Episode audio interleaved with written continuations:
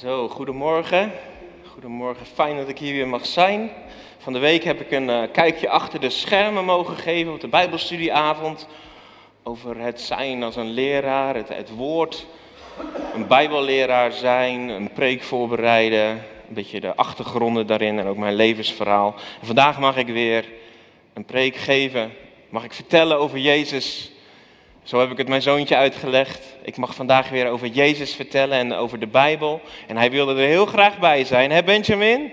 Jij wilde het graag horen hoe papa dat doet. Dus uh, ze gaan er lekker bij zijn. Uh, nou, super tof om hier weer te zijn. Ik heb er weer zin in. Een van mijn lievelingsonderwerpen, maar dat heb ik bijna elke keer weer het gevoel. Um, waar ik het over ga hebben vandaag, uh, is echt een verdieping op je relatie met God op een bepaalde manier. En um, er zijn momenten geweest in mijn leven, ook al ben ik helemaal christelijk opgevoed. Um, mijn pa is voorganger, dus dan krijg je ontzettend veel mee. Um, maar toch, anderhalf jaar ongeveer, twee jaar nadat ik bekeerd was, was er een moment dat er iets nieuws voor me openging. Alsof er was een bepaalde gedachte, een bepaalde bijbelstudie, die voor mij mijn denken, maar ook zeker mijn hart opende voor een nieuwe realiteit, voor wie, wie God en specifiek wie Jezus is. Het was, ja, dat noemen ze dan een paradigmaverandering of een paradigm shift of een openbaring. In ieder geval een hele frisse kijk en helemaal van begin tot eind de Bijbel, het was alsof het nieuw was. En zo zijn er verschillende momenten in je geloofsleven dat er een openbaring binnenkomt en dat opeens alles weer fris nieuw is. Dat je in het begin of in het einde of middenin opeens teksten leest van, staat het hier altijd al? Heb ik er altijd overheen gelezen of zo? Nou, veel mensen krijgen zo'n paradigma, zo'n paradigm shift op het moment dat ze tot geloof komen, omdat ze dan opeens ontdekken, God is mijn vader.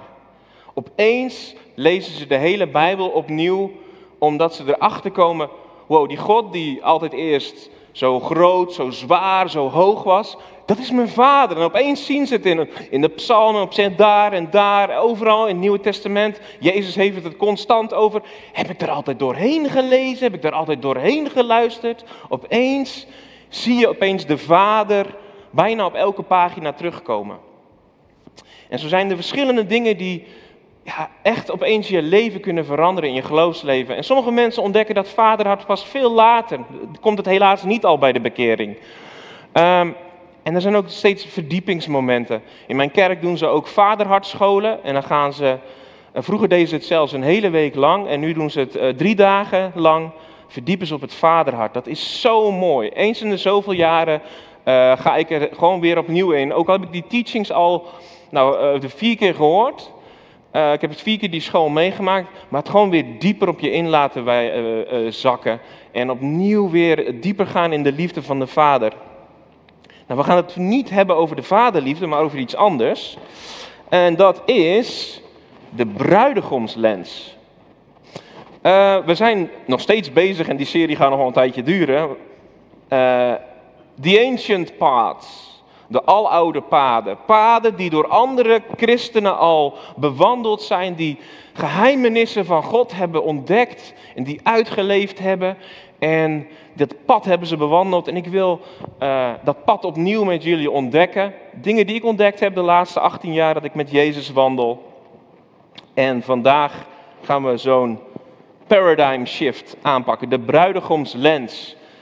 Dat je opeens van pagina 1 tot pagina de laatste ziet van wow, het gaat God om trouwen. Dat wij met God trouwen. Nou, dat ga ik nog nader uitleggen. En dan begin ik bij deze tekst als basis voor deze preek. En dat is Efeze 5. En dat is het bekende stuk wat vaak bij trouwen ook gebruikt wordt. En daar gaat het ook over man en vrouw die gaat trouwen. En uiteindelijk ook over dat God met ons trouwt. En specifiek Jezus. Efeze 5, vers 25 beginnen we. Mannen, heb uw vrouw lief. Zoals Christus de kerk heeft liefgehad en zich voor haar heeft prijsgegeven. Om haar te heiligen, haar te reinigen met water en woorden. Of wassen met water door het woord, staat er letterlijk. En om haar in al haar luister bij zich te nemen zodat ze zonder vlek of rimpel of iets dergelijks zal zijn, heilig en zuiver. Daarom zal een man zijn vader en moeder verlaten, trup, trup, trup, trup, huis uit, en zich hechten aan zijn vrouw. En ik heb me aan Luciana gehecht. En die twee zullen één lichaam zijn. En dan opeens zegt Paulus nog, dit mysterie is groot. En ik betrek het op Christus en de kerk. Dus ja, hij is onderwijs aan het geven over een man en een vrouw die gaan trouwen. Maar hij legt hier parallellen. Hij legt, hier, uh, hij legt uit van jongens, er zit hier wel echt een enorm geheimenis in. Want hebben jullie niet door dat dit ook gaat over jou en Jezus? Dat de, Jezus met de kerk trouwt. En vandaag wil ik het daarover hebben. Wat dat wel niet inhoudt voor ons persoonlijke leven.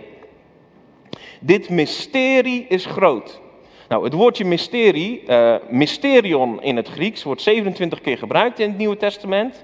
En het gaat over uh, eh, 16 verschillende onderwerpen. Maar van twee daarvan wordt er ook nog eens gezegd, dit mysterie is groot. Dus niet alleen het is een mysterie, sowieso al heel belangrijk.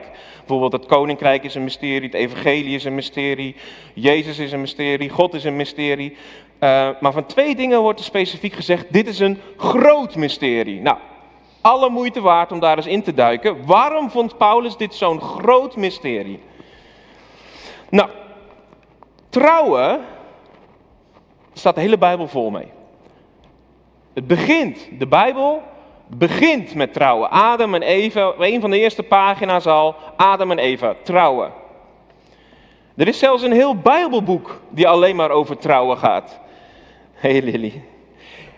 Er is één Bijbelboek die volledig gewijd is, hooglied, aan een man en een vrouw en hun liefdesrelatie, aan trouwen.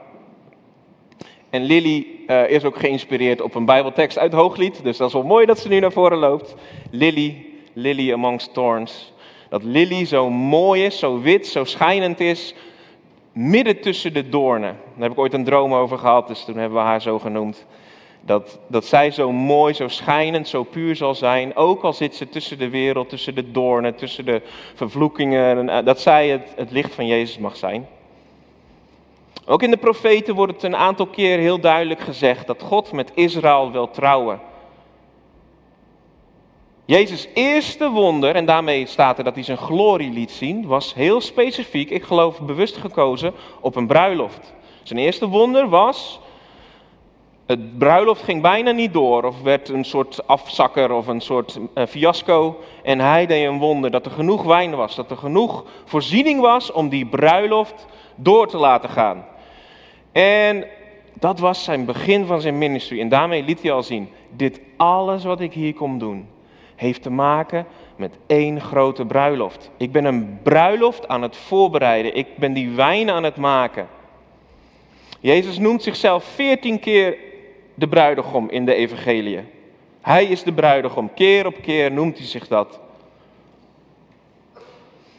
En er zijn twee gelijkenissen dat het koninkrijk als bruiloft wordt vergeleken. En bij die van Matthäus 25 wordt, en dat gaat over die tien uh, uh, maagden die dan zeg maar olielamp aan het voorbereiden zijn. En dan staat er ook dan, en er is er net een heel hoofdstuk over de eindtijd geweest. Of over dingen die allemaal narigheid die gaat gebeuren. En dan zegt hij, dan zal het koninkrijk zijn. Als een bruiloft, als een bruidegom die wacht op zijn maagden. Dus er is ook iets specifieks als wij richting het einde der dagen gaan, dat Jezus weer terugkomt, dat wij als bruid, de kerk, steeds meer gaan ontdekken dat wij niet alleen slaven, dienaren van God zijn en zonen van Hem, wat al super prachtig is, maar dat wij ook een bruid zijn. En dat wij steeds meer die jurk aan het kopen zijn, aan het schoonborstelen zijn. En dat wij steeds meer aan het oppoederen zijn. En dat is de puurheid van ons karakter. Wij zullen steeds meer ons klaarmaken dat Jezus terug kan komen. Want de Bijbel eindigt met de grootste trouwerij ooit. En die heeft Jezus voorbereid door zijn lijden en sterven. Het kruis was natuurlijk de grootste de grootste voorbereiding, de grootste huwelijk aanzoek ooit. Het grootste offer dat ooit gebracht is van wil jij met mij trouwen? Lieve bruid, trouw met mij. En dat, dat gaat gebeuren. In Openbaringen 19 tot 22 kan je daarover lezen. En ik lees er één tekst van, uit 19. Laten wij blij zijn en ons verheugen en Hem de heerlijkheid geven. Want de bruiloft van het lam is gekomen en zijn vrouw heeft zich gereed gemaakt. Dus er wordt heel duidelijk ook de link gelegd met uh, de bruiloft, dus de bruidegoms, je als een bruid van Christus beschouwen, wordt ook gelegd heel diep aan het lam, dus de kruisiging. Dus wat hij wel niet voor ons overgehacht hebt. Want als de bruid zich gereed maakt, en dan verder lezen we, en het is haar gegeven zich met smetteloos en blinkend fijn linnen te kleden, want dit fijne linnen zijn de gerechtigheden van de heiligheid, van de, zijn de gerechtigheden van de heilig. Misschien heb ik daar een typfout gedaan bij het uh, erin proppen in mijn uh, PowerPoint. Maar in ieder geval, wat je heel duidelijk ziet, is dat Jezus het kruis is de reden dat wij met Hem mogen trouwen. Jezus het kruis is de reden dat wij ons blinkend en perfect mogen maken. Dat ons karakter mag gaan stralen elke dag meer. Dat we meer die puurheid, die pure witheid van het karakter van Jezus mogen gaan stralen als bruid. En dit mysterie is groot. Dit mysterie gaat ontzettend diep. En ik wil, het is toe te passen op heel de kerk. Dat wij samen de bruid zijn. En dat is mooi, dat is prachtig. Maar jij bent ook de bruid van Christus. En er is een, je kan het ook op jouw persoonlijke geloofsleven, op jouw intimiteit met Jezus toepassen. En ik ben dat gaan doen een jaar of anderhalf na mijn bekering. Eh, iemand had het erover in de Bijbelstudie. Het heeft me zoveel gebracht. En ik geloof dat het niet voor niks is dat als jij die passie, die liefde van Jezus keer op keer gaat passen, eh, toepassen op jou en gaat pakken, dat je hart als nooit tevoren vurig, passievol, liefdevol wordt. En dan zullen wij zeker die smetteloosheid gaan benaderen, die, die heiligheid, die, die pure karakter. Als jij dieper de intimiteit gaat pakken van dat Jezus jouw bruidegom is, die zoveel van jou houdt, zo vurig verliefd op jou is, zoveel voor jou over heeft gehad, dan wekt dat een passie in je op, een kracht in jou op. Dan is het makkelijk om heilig te leven, want het gaat automatisch. De bruidegomsidentiteit wordt heel duidelijk gelinkt aan die, die, opgroeien in heiligheid en gerechtigheid. Helemaal die stralende bruid worden. Hier is Luciana, hier begon ze de bruid, stralende bruid te worden. De ochtend voor onze trouwen werd ze opgemaakt door haar twee zussen. En zij mocht zich opmaken. En zo mogen wij ons meer richting dat Jezus terugkomt. Elke dag mogen we ons meer en meer klaarmaken, perfectioneren, ons karakter. Ons karakter is het allerbelangrijkste wat we Hem te bieden hebben. Ons karakter, onze puurheid in hoeveel we van Hem houden en hoeveel we van mensen houden. En de bruidegomsidentiteit die wij, dus de bruididentiteit die wij hebben, zal ons aanvuren om ons mooier en mooier te maken.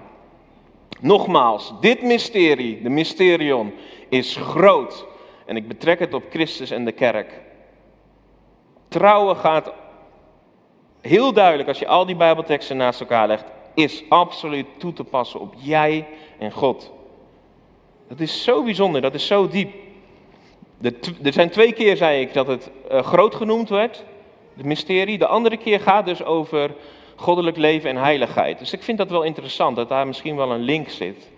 Uh, niet alleen door die tekst uit openbaring, maar ook doordat dat de twee keer zijn, trouwen en heilig leven, dat dat de twee grootste mysteries zijn. En deze bekende tekst, en de geest en de bruid zeggen kom. Op het laatste moment zullen zijn wij geheel als bruid, maar ook wij persoonlijk als bruid zullen we zeggen in voorbeden. Het zet ons vrij in krachtige voorbeden. Ons gebedsleven zal krachtiger worden, zal vuriger zijn, zal vol meer van passie en liefde zijn. Het zal zeggen, Jezus, kom, kom naar onze kerk, kom naar mijn familie, maar kom ook terug hier op aarde. Steeds meer zullen wij samen met de Heilige Geest aangevuurd voorbeden doen als nooit tevoren. Nou, is Jezus dan echt ook persoonlijk toe te passen op, jou als bruidegom en niet alleen als kerk? Ik heb daar ook een tijd mee geworsteld, uh, maar ik geloof het inmiddels met mijn hele hart. En er zijn heel veel redenen voor en die kan ik absoluut niet allemaal behandelen in deze preek, maar ik ga er een aantal geven. Deze tekst heeft mij veel houvast gegeven om het echt persoonlijk op mij toe te passen. Want ik beijver mij voor u met een ijver van God. Ik heb u immers ten huwelijk gegeven aan één man, om u als een reine maagd aan Christus voor te stellen.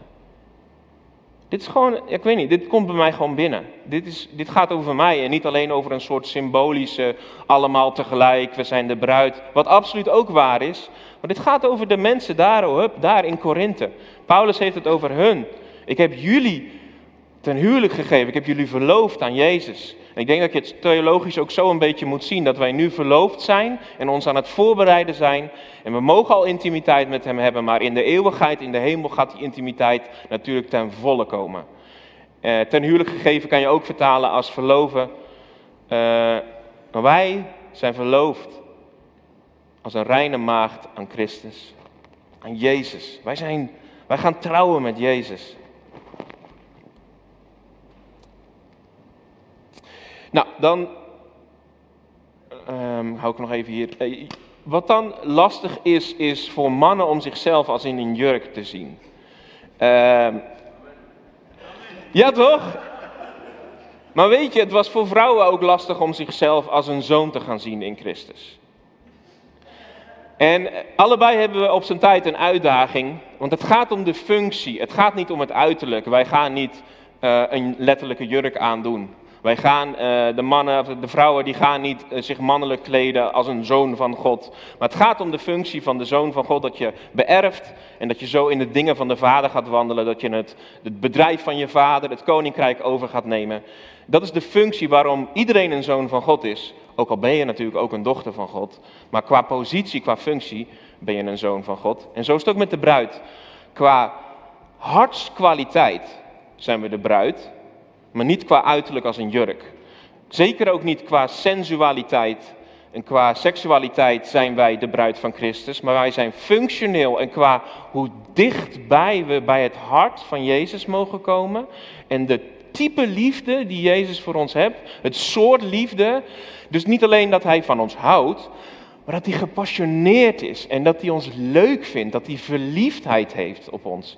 Echt, dat kan een doorbraak geven in heel veel onzekerheid en afwijzing die wij hebben. Als je gaat voelen en gaat zien dat Jezus niet ons alleen van ons houdt, of zo, een beetje op een droge manier.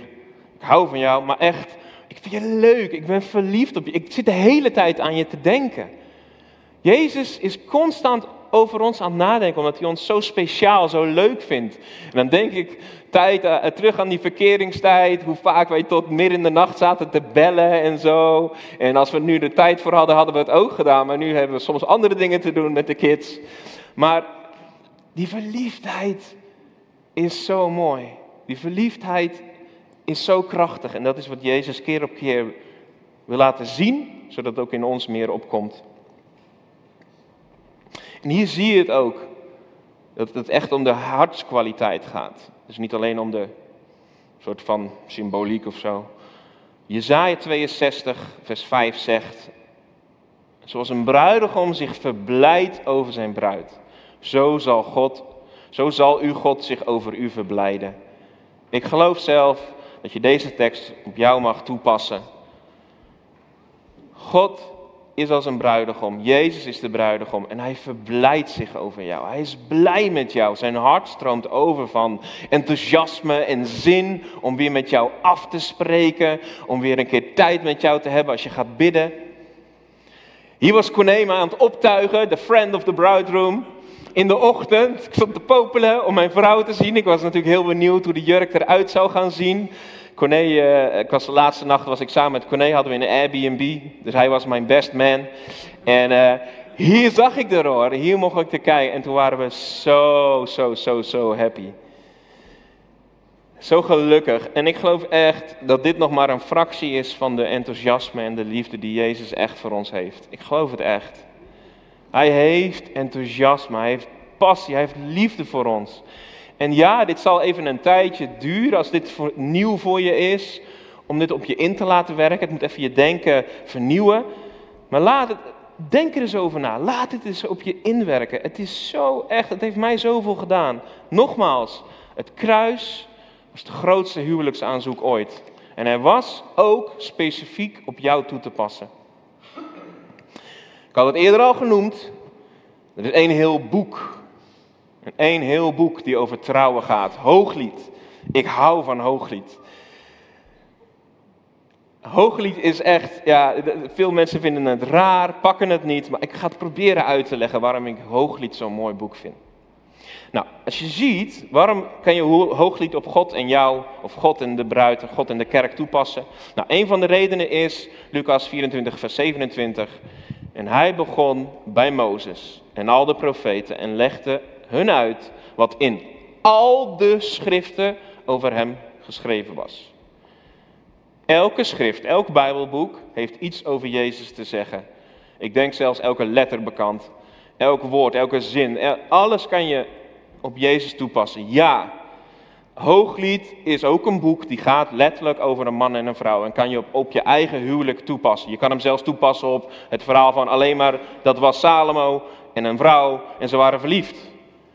Het tweede niveau is toepassen op jouw huwelijk, dat je er lessen uit leert. En uh, toepasbare interpretaties gaan we het dan over hebben. Nou, het is gewoon een letterlijk verhaal dat of verzonnen is of letterlijk gebeurd is met Salomo. Dat weet ik niet, dat is lastig te bewijzen. Maar in ieder geval, het was gewoon een verhaal die Salomo opgeschreven heeft, wat gewoon om te genieten van was. Tussen Salomo en Shulamit. Dat wordt één of twee keer maar gezegd dat ze een naam heeft. Maar het wordt wel gezegd. Maar het spreekt van een natuurlijk huwelijk. En er vallen lessen uit te leren in de ups en downs van het huwelijk. Het spreekt over God en Israël. Het spreekt over God en het nieuwe Jeruzalem. Die is voor mij nieuw, een paar eh, maanden geleden had iemand het daarover. En toen las ik het terug en dacht van ja, dat klopt eigenlijk wel. Maar die wordt ook de bruid genoemd, dus dan is het eigenlijk alweer ook die. Het spreekt heel duidelijk over Jezus Christus en de kerk. En het spreekt over jouw persoonlijke relatie met Jezus. En dat is soms lastig toe te passen, maar als het je lukt, het is echt fenomenaal. Het is heel bijzonder. Ik heb eerder een preek gegeven over het mediteren op het woord. Nou, elke keer als ik hier kom, gooi ik weer een nieuwe ingrediënt in de soep van het geestelijk leven. Ik ben een grote heerlijke soep aan het maken van het geestelijk leven, hoe je met God kan leven en wandelen. En vandaag komt de bruidegomsidentiteit erbij, maar vergeet niet dan bijvoorbeeld mediteren op het woord of andere dingen die horen bij elkaar. Maar eerst wat veel mensen over het hoofd zien, waarom is dit nou misschien wel het mooiste Bijbelboek maar dat is mijn mening. De Naardense vertaling vertaalt het als een van de weinige Nederlandse vertalingen correct. Want in het Engels heet dit boek, wie weet het? Song of Songs. En je hebt, in de tabernakel heb je het heilige, maar je hebt het heilige der heiligen. Er bestaat een hemel, maar er staat ook ergens hemel der hemelen. Je hebt goden, hemelse identiteiten die bepaalde dingen hebben.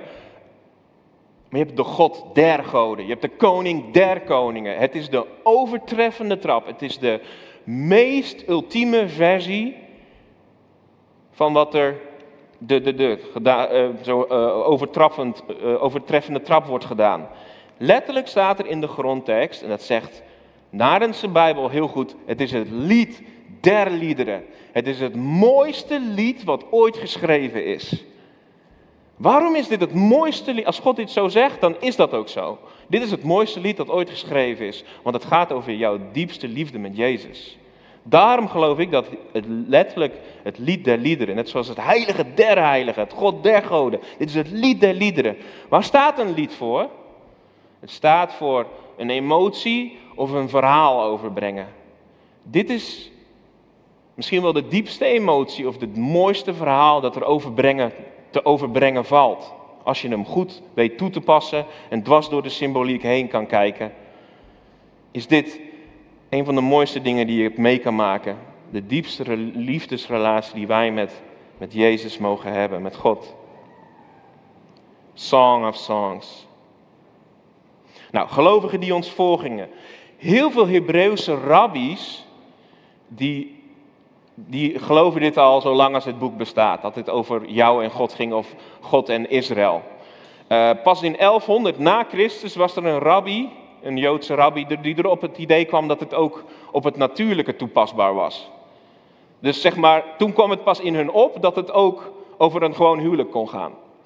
En die begon daarover te schrijven in 1100 na Christus. Maar het was voor hun zo uh, vooral over God en mensen. En later dachten we, oh, misschien is het ook toepasbaar op natuurlijke dingen. Nou, en dan heb je nog een aantal uh, monniken. Ik heb best wel wat monniken gelezen en bestudeerd. Je moet soms even door de Maria-vereringen inkijken, want dat was absoluut fout. Uh, maar wat hebben ze prachtige dingen te zeggen over hun gebedsleven en hun intimiteit met Christus. Deze mensen hebben allemaal boeken geschreven over hoe Hooglied op onze relatie met Jezus toe te passen in op ons gebedsleven.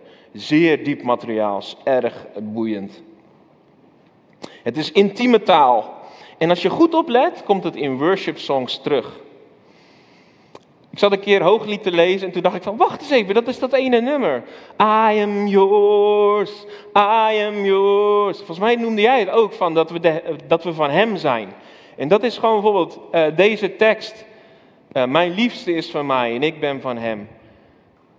Wij zijn van hem, van die intieme taal, die zie je door de aanbiddingssongs heen. En dat is heel goed. Ik denk niet dat we nu in één keer hele songs over hooglied moeten gaan maken, maar gewoon de goede dingen eruit plukken en in ons gebedsleven een beetje erin voegen. Gewoon een ingrediëntje erbij. Je hoeft niet helemaal alleen nog maar die symbolische taal te gaan bidden, maar pak het erbij. Neem die intimiteitstaal die, die jou aanspreekt, mijn liefste, die van mij is, ik ben van hem. Voeg dat toe. Wat heel mooi is, het is een realistische storyline. Hooglied is niet ik word verliefd, ik ben verliefd, wow, we gaan trouwen, yes, alles is goed. Nee, het is een realistisch liefdesverhaal met ups en downs, met veel onzekerheid. Dan opnieuw de bruidegom die de bruid bevestigt, opnieuw zegt: ja, maar Ik vind je echt mooi. Ik ben echt trots op je. Ik hou echt van je. En de bruid die even voor de, hem gaat en daarna weer afzakt, hem weer kwijt is. Het is een verhaal met ups en downs. Een echt verhaal zoals ons liefdesrelatie met Jezus ook gaat. We hebben dagen, soms zelfs jaren, dat het minder gaat, dat we hem kwijt zijn. En dan vinden we hem weer. En dan hebben we een, iets nieuws geleerd, is ons karakter weer. En dan bevestigt Jezus ons, ja, maar dit heb jij geleerd in dit dal. Dit is in jou verwerkt. Ik, en dan zie je dus ook de bevestiging van Jezus en hoe wij hem bevestigen, zie je door die acht hoofdstukken heen toenemen. Dat ze steeds meer uh, een blinkend karakter heeft, de bruid, de Shulamite. Waarom heet ze Shulamite? Dat is de vrouwelijke versie van Salomo. Ze is in hoofdstuk 6 wordt dat pas genoemd, dat ze de Shulamite heet. En het is een stiekeme heenwijzing naar dat wij steeds meer op Salomo, op Jezus gaan lijken. Dat je we Jezusachtig worden. Of wat wij noemen, wij zijn niet Christus, maar christenen. Wij worden steeds meer christenen, omdat wij steeds meer op Christus gaan lijken. En dat zie je dus ook bij Shulamite, die steeds meer op Jezus aan het lijken is. Steeds ook een volwassener karakter krijgt uh, door de storyline heen. En steeds minder alleen maar met haar eigen dingen bezig is en haar eigen gevoel, maar steeds meer in aanbidding richting Jezus bezig is. En dat zie je, dit, drie keer komt deze zin voor in Hooglied. Maar elke keer met net een nuanceverschil. En daarin zie je dat het hem, haar steeds meer gaat om, om Jezus in plaats van wat zij van Jezus kan ontvangen. Het is een prachtig verhaal. En gewoon realistisch. Ups en downs. Maar groeiend naar Jezus toe. Misschien wil Leonard even een stukje piano spelen. En dan ga ik dit stukje gewoon even voorlezen. Als een soort mediterend uh, op je in laten werken. En dan ga ik afsluiten en voor jullie bidden. Dit is gewoon hoe Hooglied begint en dat ga ik gewoon voorlezen en een klein stukje uitleg bij geven. Laat het lekker op je inwerken. Dit is dus het lied der liederen. Het mooiste lied. Dit is het mooiste lied wat wij mogen hebben. Lieve Jezus, Heer, wij willen het meemaken. Wij willen Wij willen het, het mooiste verhaal, die diepste liefde willen wij meemaken. Wij willen, het, wij willen het ervaren. Jezus, mijn gebed is dat ik meer verliefd word op u. Ons gebed, Heer, is dat wij meer van u gaan houden. Lieve Jezus, u die vrede bent, Salomo. U die het lied der liederen geschreven hebt. U die van ons houdt. Kom, laat ons u ontmoeten. Jezus, kus mij met uw woord. Kus mij met de, de kussen van uw mond, de kussen van uw woord. Kus mij. Heer, laat het woord opengaan. Want uw uitnemende liefde is beter dan wijn. Jezus, uw liefde, alles wat u te bieden hebt, ons geestelijk te bieden heeft, is beter dan wat de wereld ook maar kan bieden. Er is geen natuurlijke wijn of iets wat de wereld ons te bieden heeft wat daarboven gaat. Uw liefde gaat hier voluit bovenuit. Uw zalfolie zijn heerlijk van geur. Uw naam is een uitgegoten zalfolie. Jezus, in uw aanwezigheid zijn is zo heerlijk. Het is als een lekkere geur. Je komt ervan tot rust. Uw karakter, uw naam, het raakt me aan. Het verandert mij. Het is als een heerlijke atmosfeer als ik u, als ik u mag ontdekken, als ik uw naam mag ontmoeten, wie u bent, Jezus, uw karakter. Daarom hebben de meisjes u lief. Trek mij mee, Jezus. Wij zullen achter u aansnellen. De koning heeft mij gebracht in zijn binnenkamers. Heer, trek ons mee naar mooie momenten met u. Trek ons mee, lieve Jezus, u die de koning bent van de hemel en aarde. Trek ons mee in diepere intimiteit. Trek ons naar mooie binnenkamermomenten. Gebedsmomenten. Geef ons die momenten op de dag dat we even op u kunnen focussen in het drukke leven. Heer, ik vind het soms ook lastig om dat te plannen met gezinsleven. Ik vraag u voor mij en voor iedereen hier dat we die intimiteitsmomenten mogen hebben met u. De koning heeft mij gebracht in zijn binnenkamers. Laten wij ons verheugen en ons in u verblijden. Laten wij uw uitnemende liefde in herinnering roepen. Meer dan de wijn, met recht hebben zij u lief. Ja, Heer, dank u wel, Heer. Ik bid zo dat dit een zaadje mag zijn. Dat we dieper mogen gaan in uw liefde. Ik bid dat u ons helpt deze nieuwe manier van denken toe te passen. Aan te vullen in ons gebedsleven, in onze relatie met u. Heer, ik bid om een geest van wijsheid, geest van inzicht, om dit te openbaren. Ik bid dat uw woord spreekt en werkt. Heer, en ik bid zo, Heer, dat wij in onze storyline, onze relatie met u, dat wij over die hobbels heen komen. Heer, we kampen zoveel met onzekerheid. Heer, we zitten soms zo met afwijzing, onzekerheid. We vinden onszelf helemaal niet mooi. Heer, we vinden ons soms zelfs lelijk. Of we balen zo van de fouten die we gemaakt hebben. Jezus, beur ons op. Laat zien wat u in ons gelegd hebt voor de grondlegging der wereld. Laat zien, Heer, wat voor moois u in ons gelegd hebt en wat u hersteld hebt door het kruis, Heer. Wie wij zijn in u, Heer. U vindt ons zo mooi. U geniet zo van ons, Jezus. En ik bid, help ons dat te pakken. Heer, we zijn zo verwond. Hooglied zegt op een gegeven moment, ik ben donker van huid.